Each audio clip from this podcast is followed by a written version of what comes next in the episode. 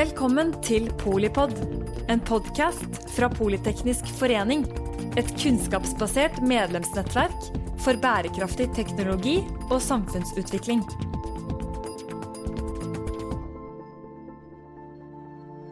Yes. Velkommen til full sirkel av Polipod. Vi er tilbake. Dette er jo som kjent podkasten som gir overblikk og dypdykk i tema innen sirkulær økonomi. Og i dag så har vi en uh, veldig spennende episode som jeg har uh, gledet meg til. Det handler om hvordan design, nye tjenestemodeller og innovativ ressursbruk kan sette en ny standard for sirkulær møbelindustri. For jeg har nemlig med meg to ildsjeler som har gjort langsiktig bærekraft til en del av kjernevirksomheten, og som tør å utfordre rammene av dagens lunære forbrukssystem gjennom modig valg og verdibasert ledelse. Dagens gjester er ledere i henholdsvis Opre og Vestre, norske designselskaper som bruker sirkulære eh, prinsipper i alle steg av designprosessen, og produserer kvalitetsprodukter til kunder verden over. Ikke bare er de veldig imponerende hver for seg, men OP Vestre jobber jo også sammen med utviklingen av selskapet Ogori, som vil tilby markedet eierløs havplast som plastråvare med opphavsgaranti. Velkommen til Lars Urheim, medgründer og daglig leder av OP, et norsk selskap grunnlagt i 2011, som startet med ideen om å lage bærekraftige, gjenbrukbare interiørmøbler. Og Lars har bl.a. vært med å skape det modulære møbelsystemet Space, eh, Spacecraft, og brenner helhjertet for OPs beundringsverdige visjon, som er å bli best i verden på bærekraftige møbler. Eh, Lars er også medgründer av Ogori og har eh, lang designbakgrunn med mastergrad fra Kunsthøgskolen i Bergen.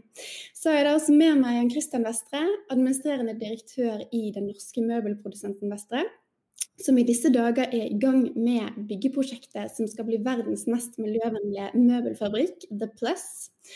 Jan Christian tok over familieselskapet som 25-åring, og har siden den gang blitt en av Norges mest visjonære industriledere, som skaper sosiale møteplasser verden over med, med norsk design. Velkommen til dere begge to. Det er skikkelig hyggelig å ha dere her. Selv om vi ikke får sitte i uh, samme rom uh, denne gangen, så er det veldig kjekt å, å prate sammen. Eh, jeg har hatt gleden av å samarbeide litt med både Ope og Vestre gjennom looping. Men jeg er jo ganske nysgjerrig egentlig på hvordan ble det til at Vestre og Ope eh, fant hverandre? Kanskje Lars, du har lyst til å begynne der? Ja, først og alt, tusen takk for at jeg får være med i det. Eh, jeg er veldig glad for å få lov å komme her og snakke om sirkulærøkonomi, som står mitt hjerte nær. Og gjøre det samme med Jan Kristian i tillegg er jo bare perfekt. Eh, for vi representerer nok to to perspektiver innenfor det samme eh, domenet, eh, tenker jeg. Så, og, og, hvordan vi fant hverandre. Først av alt må vi si at det, det som er veldig flott med norsk møbelindustri, er at det er som en liten familie i utgangspunktet. Eh, og jeg og Kristian har møtt hverandre på bransjetreff tidligere, til tross for at Ope var og er en ganske liten møbelprodusent. og Vestre var og er bare større og større.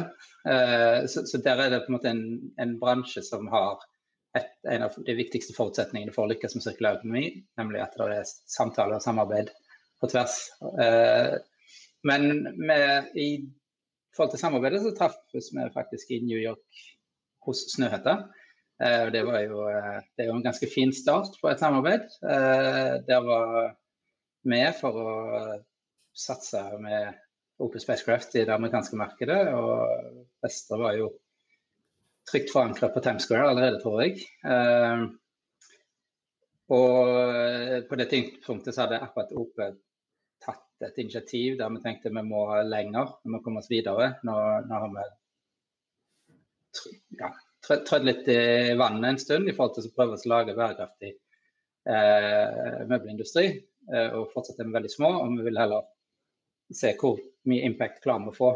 Og da tok vi tak i det problemet som var veldig aktuelt på den tiden, nemlig plast i havet. Dette var jo rett etter Valen strande på Sotra, og, og øynene folk hadde gått opp for det store miljøproblemet. Eh, og vi hadde bare gått ut og sagt vi skal lage møbler av denne plasten. Vi vet ikke hvordan, eh, men det er det vi skal gjøre. Og to måneder etterpå så møtte jeg, eller en måned etterpå så møtte jeg Jan Christian i New York. Og, ja, det kan jo du fortelle, Jan Christian. Ja, da, da, var du jo i gang, Lars. Tanken og ideen, og vi hadde jo jobbet litt eh, på hvert vårt hold med litt ulike tilnærminger til den eh, problemstillingen og de mulighetene som var der. Men eh, du og dere hadde jo kommet mye lenger, da, så vi var jo veldig heldige som fikk, fikk være med. og det er jo himla gøy, da, for de tok ikke så fryktelig lang tid. Så lanserte både Ope og Vestre hver sine produkter, som i sin kategori er henholdsvis da verdens første som er gjort av resirkulert eh, havplast, som også da har en helt spesiell forretningsmodell knyttet ved seg, som gjør at vi tar ansvar for at den plasten aldri igjen kommer på verdens hav. Så det har vært en spennende reise og innovativt, og det er jo fortsatt en reise som vi ikke vet helt rekkevidden av, fordi det er veldig mye nybrottsarbeid. Men eh, sånn er det. Man må være villig til å ta litt risiko og tenke stort. Og så får vi se litt hvor eh, vinden tar oss, tror jeg. Ja, det er veldig spennende. Vi skal komme litt mer inn på forretningsmodellene og ambisjonene også for uh, Ogori etter hvert. Så bare også for å, å, å backtracke litt. Altså, norsk møbelindustri det er jo på ingen måte et, et nytt eventyr. Det har jo vært en historisk veldig viktig næring for Norge. Både i, omsetning og sysselsetting. Og som flere andre norske designbedrifter eh, Jan Christian, så, så stammer jo også Vestres røtter fra en, eh, fra en kystby, Haugesund. Så jeg lurer litt på liksom hvor, hvor viktig eh, Vestres industriarv er i, i de sirkulære ambisjonene. Er det noe du har lært fra, fra din bestefar og far som er førende for hvordan dere jobber i dag på, på dette området? Ja, det er litt artig du spør om, Ida, fordi sirkulærøkonomi er jo et relativt nytt begrep. Men mm. Eh, det er jo for så vidt ikke noe nytt i den store sammenhengen. Eh, Vestre ble jo etablert i 1947, rett etter krigen, som en del av mange tusen små og store bedrifter som skulle bidra til liksom gjenoppbyggingen av landet, industrialiseringen, arbeidsplasser, vekst og velstand og velferd til folket. Og den gangen var det jo eh, knapphet på ressurser i Norge. Det var lite vareimport. Og det var ikke noe selvfølge at man kunne få tak i treverk for å bygge hus eller stål til å lage produkter av. Så min bestefar og hans kompiser, da de etablerte Vestre i Haugesund, så var det ikke så helt uvanlig de første årene at de gikk på skraphandleren og fikk tak i skrapmetall som de kunne omskape og produsere noe nytt ut av. Så den her forståelsen av både gjenbruk, ombruk, eh, upscaling, som vi kaller det for nå, men også lage ting som varer veldig lenge, det var jo ikke bare noe som var unikt for Vestre. Det var jo sånn folk dreiv før mm. Tenk deg sko, f.eks., eller tenk deg møbler. altså Det kunne jo liksom leve i det uendelige gjennom at det ble satt i stand og reparert og restaurert.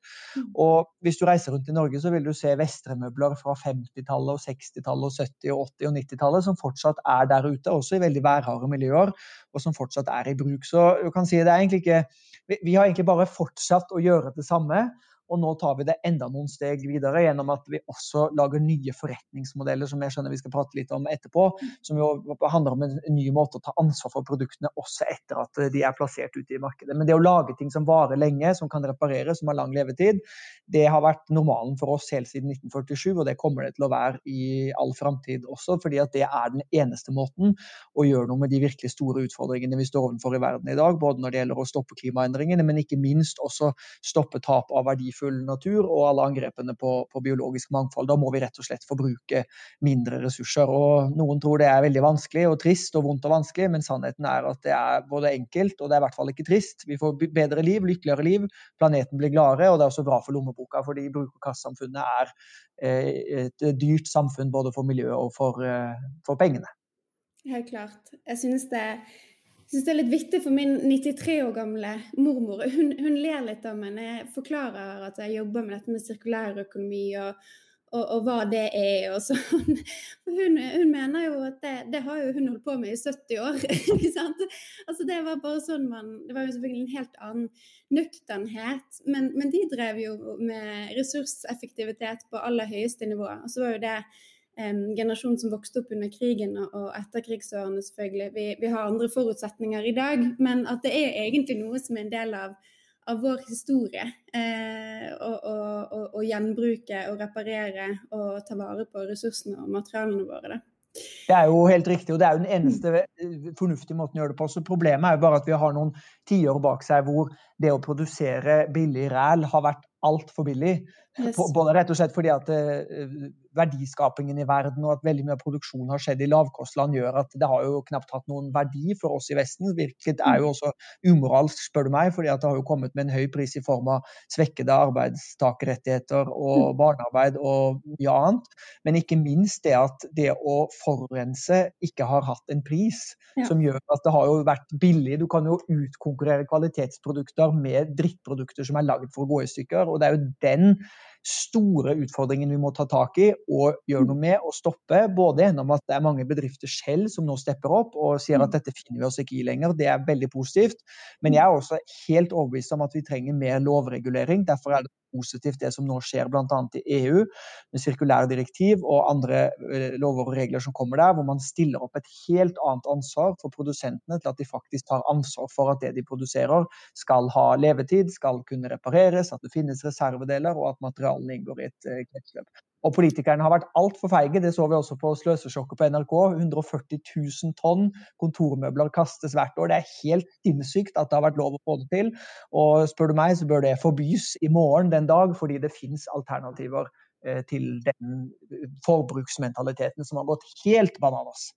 Klart. Det leder meg litt inn i det neste spørsmålet. For, for du, Lars, har jo som designer snakket mye om det å se eh, produktene i et livsløpsperspektiv. Eh, mens dere igjen, Jan Kristian, lager også bymøbler som skal vare i generasjoner, og, og også veldig opptatt av produsentansvaret.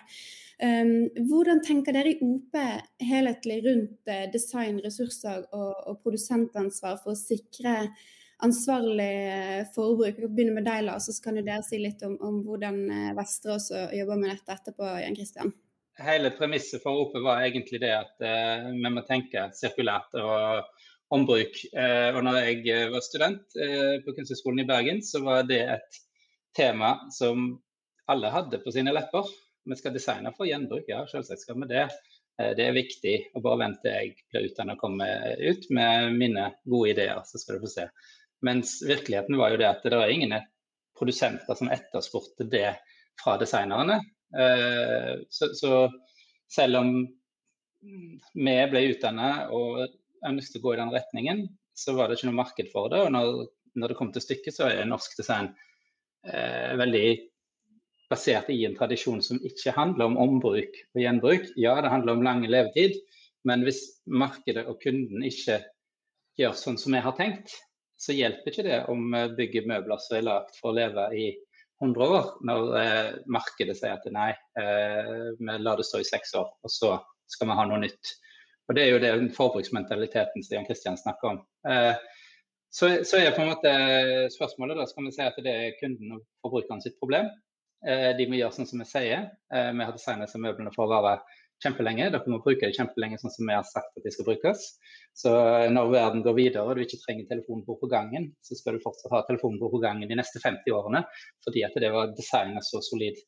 Eh, sånn funker det jo ikke. Og det var det utgangspunktet vi tok utgangspunkt i når vi begynte å bygge Spacecraft-systemet. Vi skal lage et produkt som kan forholde seg til uforutsette endringer, eh, som tilpasser seg sammen med brukeren, istedenfor å kjempe imot det er jo et brudd med designtradisjonen der vi sier at designeren er guddommelig og har et fantastisk øye som klarer å skape de ideelle forholdene. Og det, det er et kunstverk som skal stå til evig tid.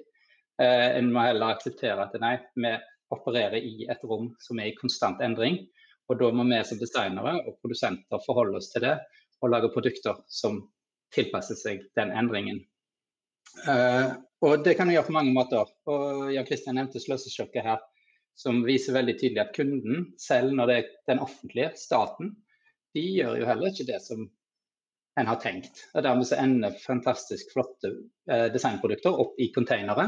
For det er ikke verken, de er ikke designet for endring, eh, og de har ikke et system som Altså, produsentene har ikke et system som ivaretar den endringsprosessen. For selv om et Nav-kontor kanskje ikke trenger den pulten lenger, eh, kanskje en skal gå fra åpent landskap til cellekontor eller en annen type endring, så, det, så betyr ikke det at det ikke er noen andre et sted som kunne tatt det produktet videre og brukt det og latt det leve ut sitt potensial. Eh, nå har vi gjerne gått veldig langt i forhold til å eh, lage et produkt som endrer seg, men en kan òg lage en tjeneste som eh, forholder seg til at kunden endrer seg og dermed så, ja eh, Fins det Spørsmålet ditt var på en måte hvordan, hvordan eh, kan, hvordan kan vi sikre ansvarlig forbruk? Og mitt spørsmål er egentlig finnes det noe ansvarlig forbruk i det hele tatt?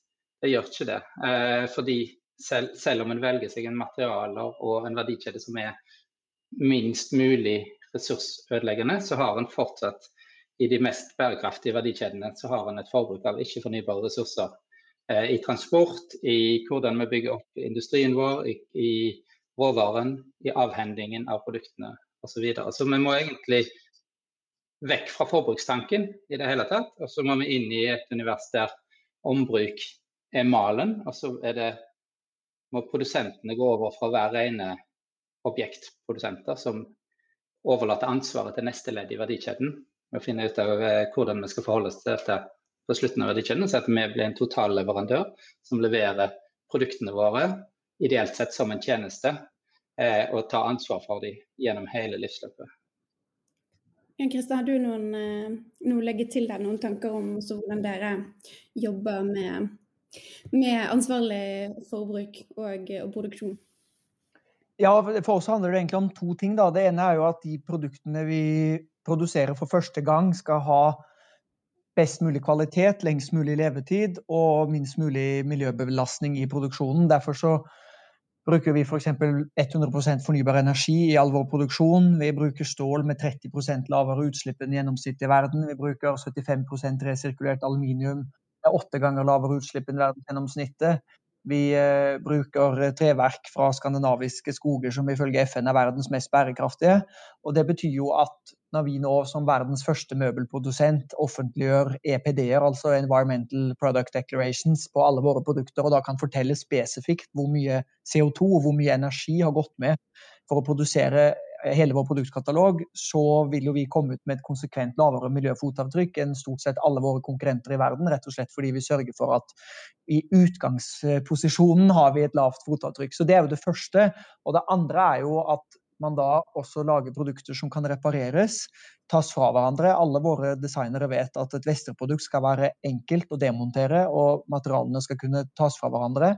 Vi tilbyr restaurering av gamle produkter, dvs. Si møbler som har vært ute i 30-40, kanskje 50 år, som begynner å se relativt slitne ut, men som fortsatt har en god iboende kvalitet. Kan returneres til eh, vår fabrikk og bli omlakkert, kanskje bytte ut noe treverk, shine opp og på den måten få nytt liv. Og jeg tenker Det er også et viktig bidrag for designindustrien, fordi dessverre så er jo en del av den her forbruksmentaliteten blant folk også et resultat av at designindustrien har vært veldig flink til å pushe nye produkter hele tiden og fortelle mm. forbrukerne at hvert år skal man ha noe nytt. Det er nye farger, og det er nye trender, og det er nytt design og det er nye modeller.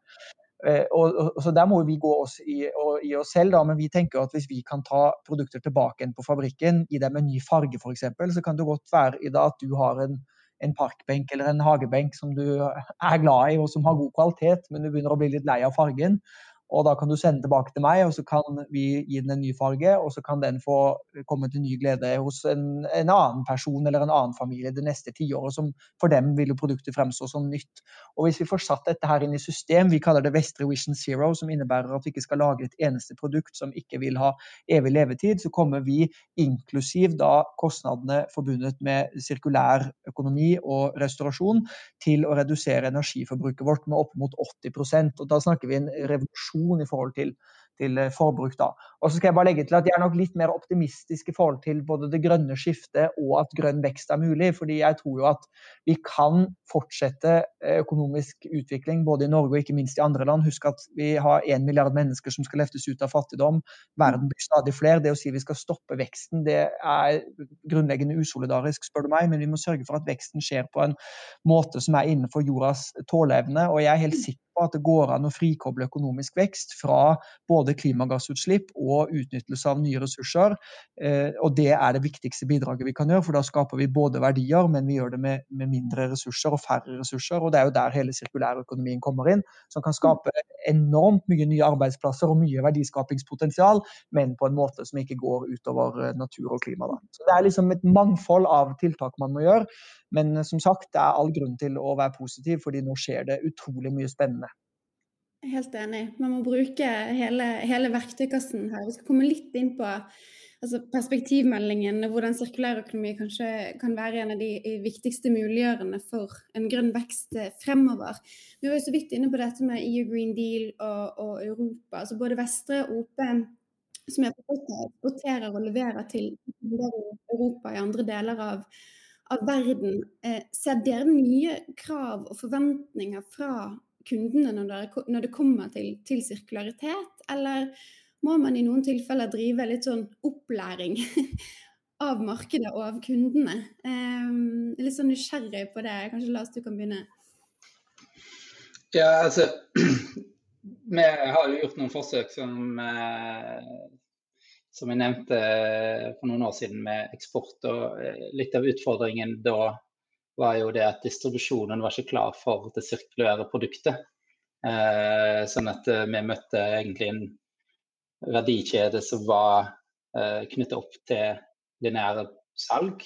Eh, der tjenestemodellen, endringsmuligheten som ligger i våre produkter, veldig vanskelig lot seg videreføre. Da. Og dermed så blir vi både avspist med veldig små marginer, og eh, vi får ikke levert hele produktet der produktet på en måte eh, går ut over det fysiske objektet, men å handle mer om hvordan du opererer det gjennom livsløpet.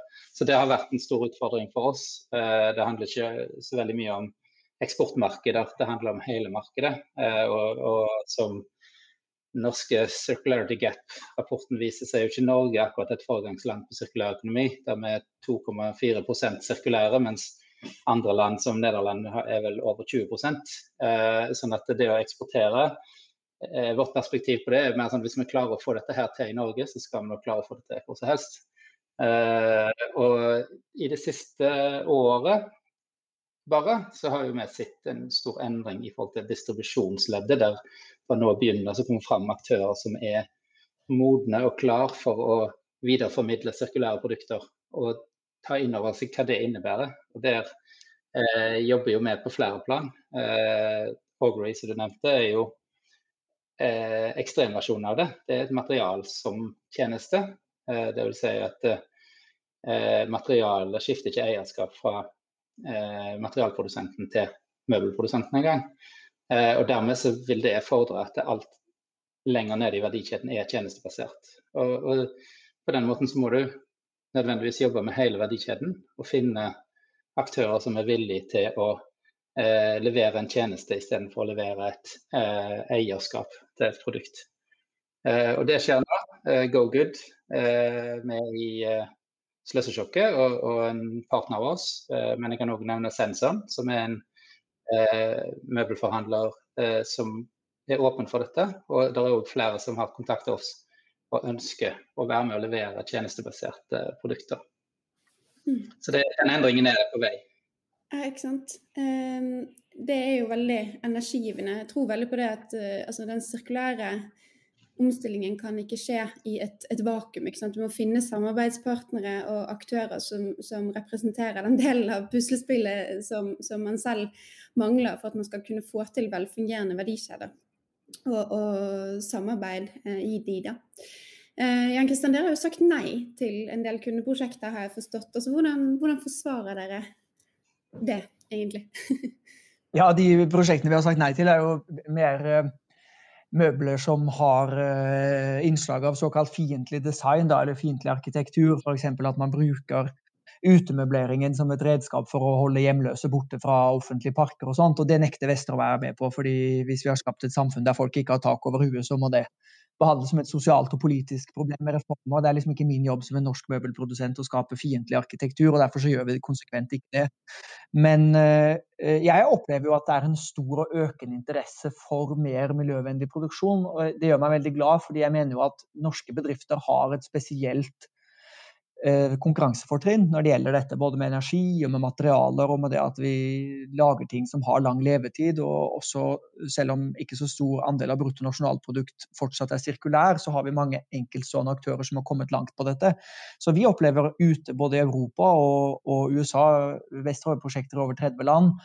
Og kontorer i fem av dem, at det er en stor økende interesse for dette. Men jeg kunne ønsket meg at beslutningstakere, og da eh, både private, men ikke minst offentlige, var mye tøffere med hvilke krav de stiller overfor produsenter som oss. da. Eh, man vektlegger nå f.eks. i offentlig anbud miljø og sirkularitet og levetid lenger enn før, men det er fortsatt veldig ofte pris som er det viktigste. Og da er gjerne ikke pris i det totale bildet, men det produktet koster akkurat på det tidspunktet. Og Vi har jo sagt også til norske myndigheter hvorfor endrer dere ikke anbudsreglene slik at produsenter både må opplyse om hva koster produktet å kjøpe i dag, men hva koster også produktet å eie gjennom ti år. Og ikke bare at det skal være noe som produsentene liksom skal få sette en eller annen sum på, og så blir det det det blir, men at vi som produsenter faktisk har et rettslig ansvar for å sikre at den tiårsprisen vi har gitt, faktisk er gjeldende. Og Hvis kvaliteten da skulle vise seg å være dårligere enn det vi har lovet, så mener jeg offentlige innkjøpere skulle hatt et erstatningskrav overfor produsentene, som da har solgt et produkt med dårligere egenskaper enn det man har sagt. Og Dette kan norske politikere vedta og innføre hvis man vil. og Da hadde vi i løpet av noen år satt en kraftig dreining over at de produsentene som ikke tar kvalitet og levetid på alvor, faktisk måte brettet opp armene og begynt å gjøre skikkelige ting. Det er faktisk ikke så vanskelig. Og Det gjelder både i Norge og det gjelder også eksportmarkedene. Så bra med økende interesse, men det går for sakte, og vi må altså stille mye strengere krav, tenker jeg. Og Det handler liksom ikke om å piske bedriftene eller piske næringslivet, snarere tvert imot vil bedriftene være med på dette og stepper opp og er kreative. Men vi må også bli stilt krav til, og på den måten også korrigere den markedssvikten som åpenbart er i dag, når det fortsatt er sånn at du kan vinne offentlige anbud med et drittprodukt som er billigst, som er dyrest både for skattebetalerne in the long run, og ikke minst for klima og miljø. Det må ta slutt. Men, men det er jo der eh, tjenestemodellen kommer inn som en, egentlig en reguleringsfri eh, mekanisme. da. Fordi eh, Hvis du har, står med valget mellom et høykvalitetsprodukt som du kan sitte på, og et lavkvalitetsprodukt som du kan sitte på, som du da vil kjøpe i en tjeneste, så er det kun den med høykvalitetsproduktet som kan regne seg hjem til en levetid på 20 år å tilby en, en, nedbetalingsmodell, en betalingsmodell som faktisk varer i 20 år. Eh, mens den som sitter på et lavkvalitetsprodukt, vet at det produktet kommer til å svikte etter to år, tre år, fem år, og er nødt til å fordele sine kostnader på de årene der. Eh, og Det som mangler i det bildet, det er jo finansieringsmodeller for sirkulære verdikjeder. Det er bankene håpløst sent ute. Eh, Det håper jeg òg vi kan snakke litt med om, fordi eh, det er en kjempeutfordring når du prøver å ta det skiftet over. Noen må fortsatt eie de fysiske produktene. Eh, og når kapitalbindingen skjer hos produsenten og materialprodusenten istedenfor hos eh, forhandleren og sluttkunden, så trengs det òg helt andre finansieringsmodeller. Mm. Komme, et av det siste spørsmålet er litt sånn ønske, ønsker, ønskeliste for uh, virkemidler og insentiver som kan være med å stimulere den sirkulære omstillingen. Bare for å gå litt inn på uh, de lange linjene her før, uh, før vi runder av. Perspektivmeldingen kom jo med et varsel om at vi må greie å opprettholde produktivitetsveksten innenfor planetens tåleevne, som du er inne på i sted, Christian. Og så publiserte jo også da Sintef nylig en, en studie om at reparasjon og gjenbruk eh, det kan skape et netto jobbtilfang på rundt 12 000 nye arbeidsplasser innenfor elektronikkbransjen alene. Og Det indikerer jo det at, at sirkulære grep kan også gi arbeid til, til flere. Har dere også troen på at sirkulærøkonomi kan være en del av løsningen for fremtidens verdiskaping? verdiskaping? Det er kanskje litt ledende spørsmål, men eh, Jeg er veldig usikker på det. Et ja-nei-spørsmål? Mm, det, det, er bare å, å, skyte den som vil først. ja, Lars, vil du først? Ja, jeg kan gå først. Eh, ja. Absolutt. Og, det er jo på en måte det som er den store gulroten her, både for samfunnet og for bedriftene som involverer seg i dette her. Eh, det vi har sett i møbelindustrien, er jo f.eks. at du har møbelprodusenter. De klarer seg som regel, eh, særlig når vi har oppvakte interiørarkitekter som vet hva produkter de vil ha inn i prosjektene osv. Mens forhandlerleddet sitter skvist innimellom med all den kompetansen de sitter på, og må gå på, på akkord med seg sjøl og eh, på en måte hva, hva, kunden egentlig trenger, for å ordne seg en bitte liten margin inni der. Og Det henger jo sammen med, direkte sammen med tapet i den lineære modellen, der vi vet at eh, 90% av verdien går tapt eh, over tid. Det må kompenseres for på en eller annen måte. Noen, noen tar regningen, og det er naturen og de som på en måte da skal være en, eh, handels, et handelsledd inni den verdikjeden. Eh, hvis vi kan få en sirkulær økonomi med tjenestemodell, så vil eh, forhandlerleddet i møbelbransjen sitte på en kompetanse rundt markedet og kunden som de kan bruke, og der de kan levere tjenester som ivaretar eh, kunden over lang tid. Eh, Dvs. Si reparasjoner, endringer, flytting, ta tilbake, bytte ut objekter. Eh, følge opp den dynamikken. Og Det krever mange hender i arbeid, og det krever ikke eh, høyt utdanna folk med, med, doktorgrad eller mastergrad. Det krever vanlige arbeidsfolk som får tatt i bruk sin kompetanse ute i samfunnet og får gjort et verdifullt bidrag. Og jeg tror at eh, potensialet er enormt innenfor det området der. For i dag så er alternativet vårt at vi tar de tingene som kunne vært gjenbrukt, reparert, oppgradert osv. Og, og så dumper vi det i en container og er ferdig med det. Og der, der forsvant den muligheten til verdiskaping. Så et solklart ja fra meg. Mm. Ja, da er jeg også enig i det. Men jeg tror jo at de tallene både fra Sintef og andre er egentlig altfor små. Fordi at eh, de studiene ser på direkte sysselsettingspotensial i at folk skal gjøre reparasjon, også på produkter som ikke er produsert i Norge i utgangspunktet. Og det er jo positivt, det skaper masse arbeidsplasser. Men jeg tenker vi må tørre å løfte blikk og våge å tenke enda mye større enn det. Og se på hvis vi også kan bruke eh, kvalitet, levetid, muligheten til å restaurere ting også som et fortrinn for hele norsk industri, og på den måten indirekte skape mange arbeidsplasser gjennom at norske industribedrifter lykkes bedre fordi at det er vi som er best til å levere de produktene som passer inn i en sirkulær fremtid. Ikke bare i Norge, ikke bare i Norden, men til hele verden. Så snakker vi liksom ikke 12 000 arbeidsplasser. Da snakker vi gjerne over tid nok arbeidsplasser til å, å kunne erstatte hele olje- og gassnæringen. For det er jo det som er virkeligheten i norsk økonomi. At selv om vi ikke liker å si det, så er vi jo mer avhengig av olje og gass enn på veldig lang tid. Og det er for så vidt ikke noe gærent i det, fordi norsk olje- og gassindustri gjør mye bra, den også. Men etterspørselen etter petroleum kommer til å gå ned, og den kommer til å gå ned fortere enn det norsk økonomi er forberedt på. Og vi investerer altfor lite i de nye næringene, og det skapes for lite nye arbeidsplasser i de næringene. Så her må vi våge å tenke stort. Norge må gå foran, og så må vi innrette virkemiddelapparatet vårt sånn at vi hjelper de bedriftene som kan dette, ut i verden, slik at de får større moment og større vekstevne, det, det, er, det, som, det er liksom det som skal til. Da. Og jeg er helt sikker på at norsk industri kan få til dette. Du nevnte jo The Plus, Ida, som Vestre nå bygger. Det blir verdens mest miljøvennlige møbelfabrikk. Den skal ligge på Magnor i Innlandet og stå ferdig til jul. Det er jo ikke bare en, en fabrikk som er Paris Proof, eh, som reduserer klimagassutslippene med over 55% og energibehovet med mer enn 90% men det er faktisk også verdens første møbelfabrikk som har en egen produksjonslinje satt opp spesifikt for res restaurasjon, altså reparering av gamle eh, møbler. Altså en egen sirkulær produksjonslinje.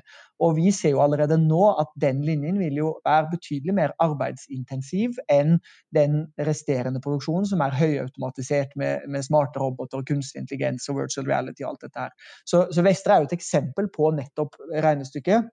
Og at det er mulig å kombinere produksjon av nye ting sammen med gjenbruk og restaurering. Og det er jo det verden trenger fortsatt. Det er ikke sånn at vi skal slutte å lage nye ting for en verden som stadig flere innbyggere.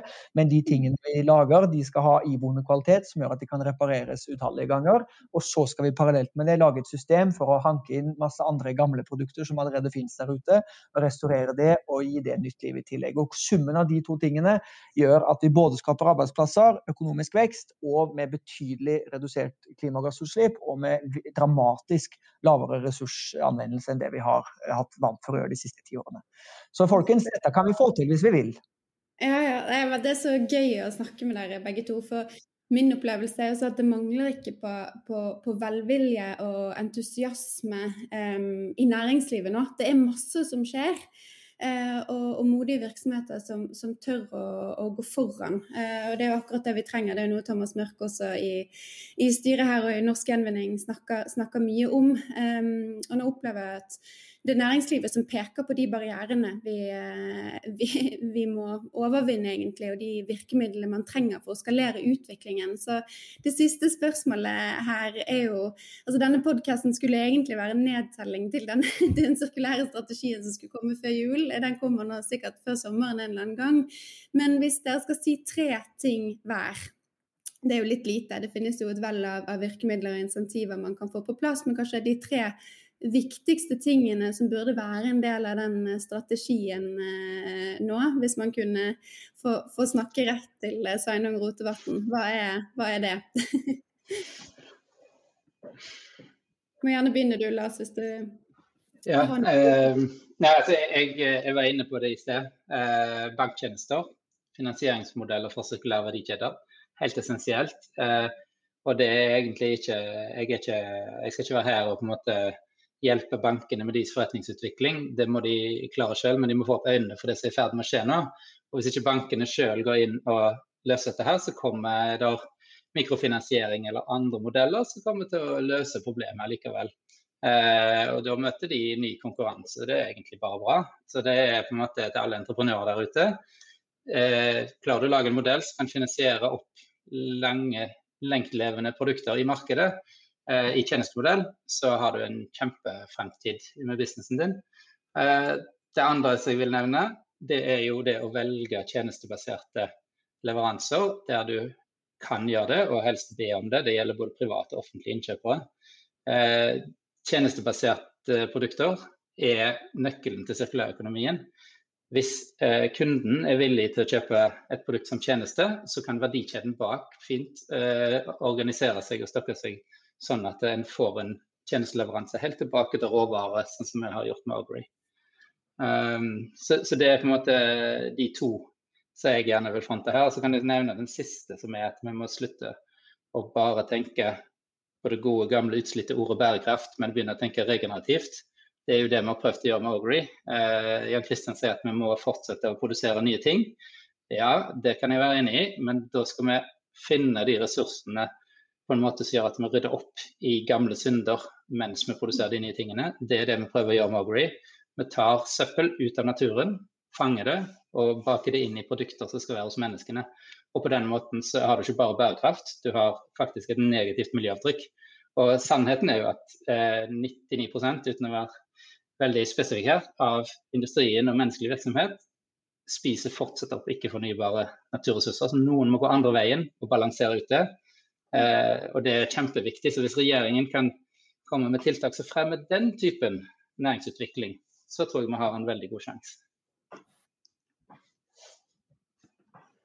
Tre kjappe fra deg, eh, Jan Kristian. Du har vært inne på noen av de eh, før. Jeg skal ikke, jeg skal ikke gjenta det da med sånn 15-årspris og sånn, men jeg, jeg, jeg, tror veldig sterkt på den sosialdemokratiske blandingsøkonomien, der markedet fungerer utmerket godt for noen formål, men markedet trenger også styring, ikke minst for å korrigere svikt og feil som markedet ikke kan håndtere selv.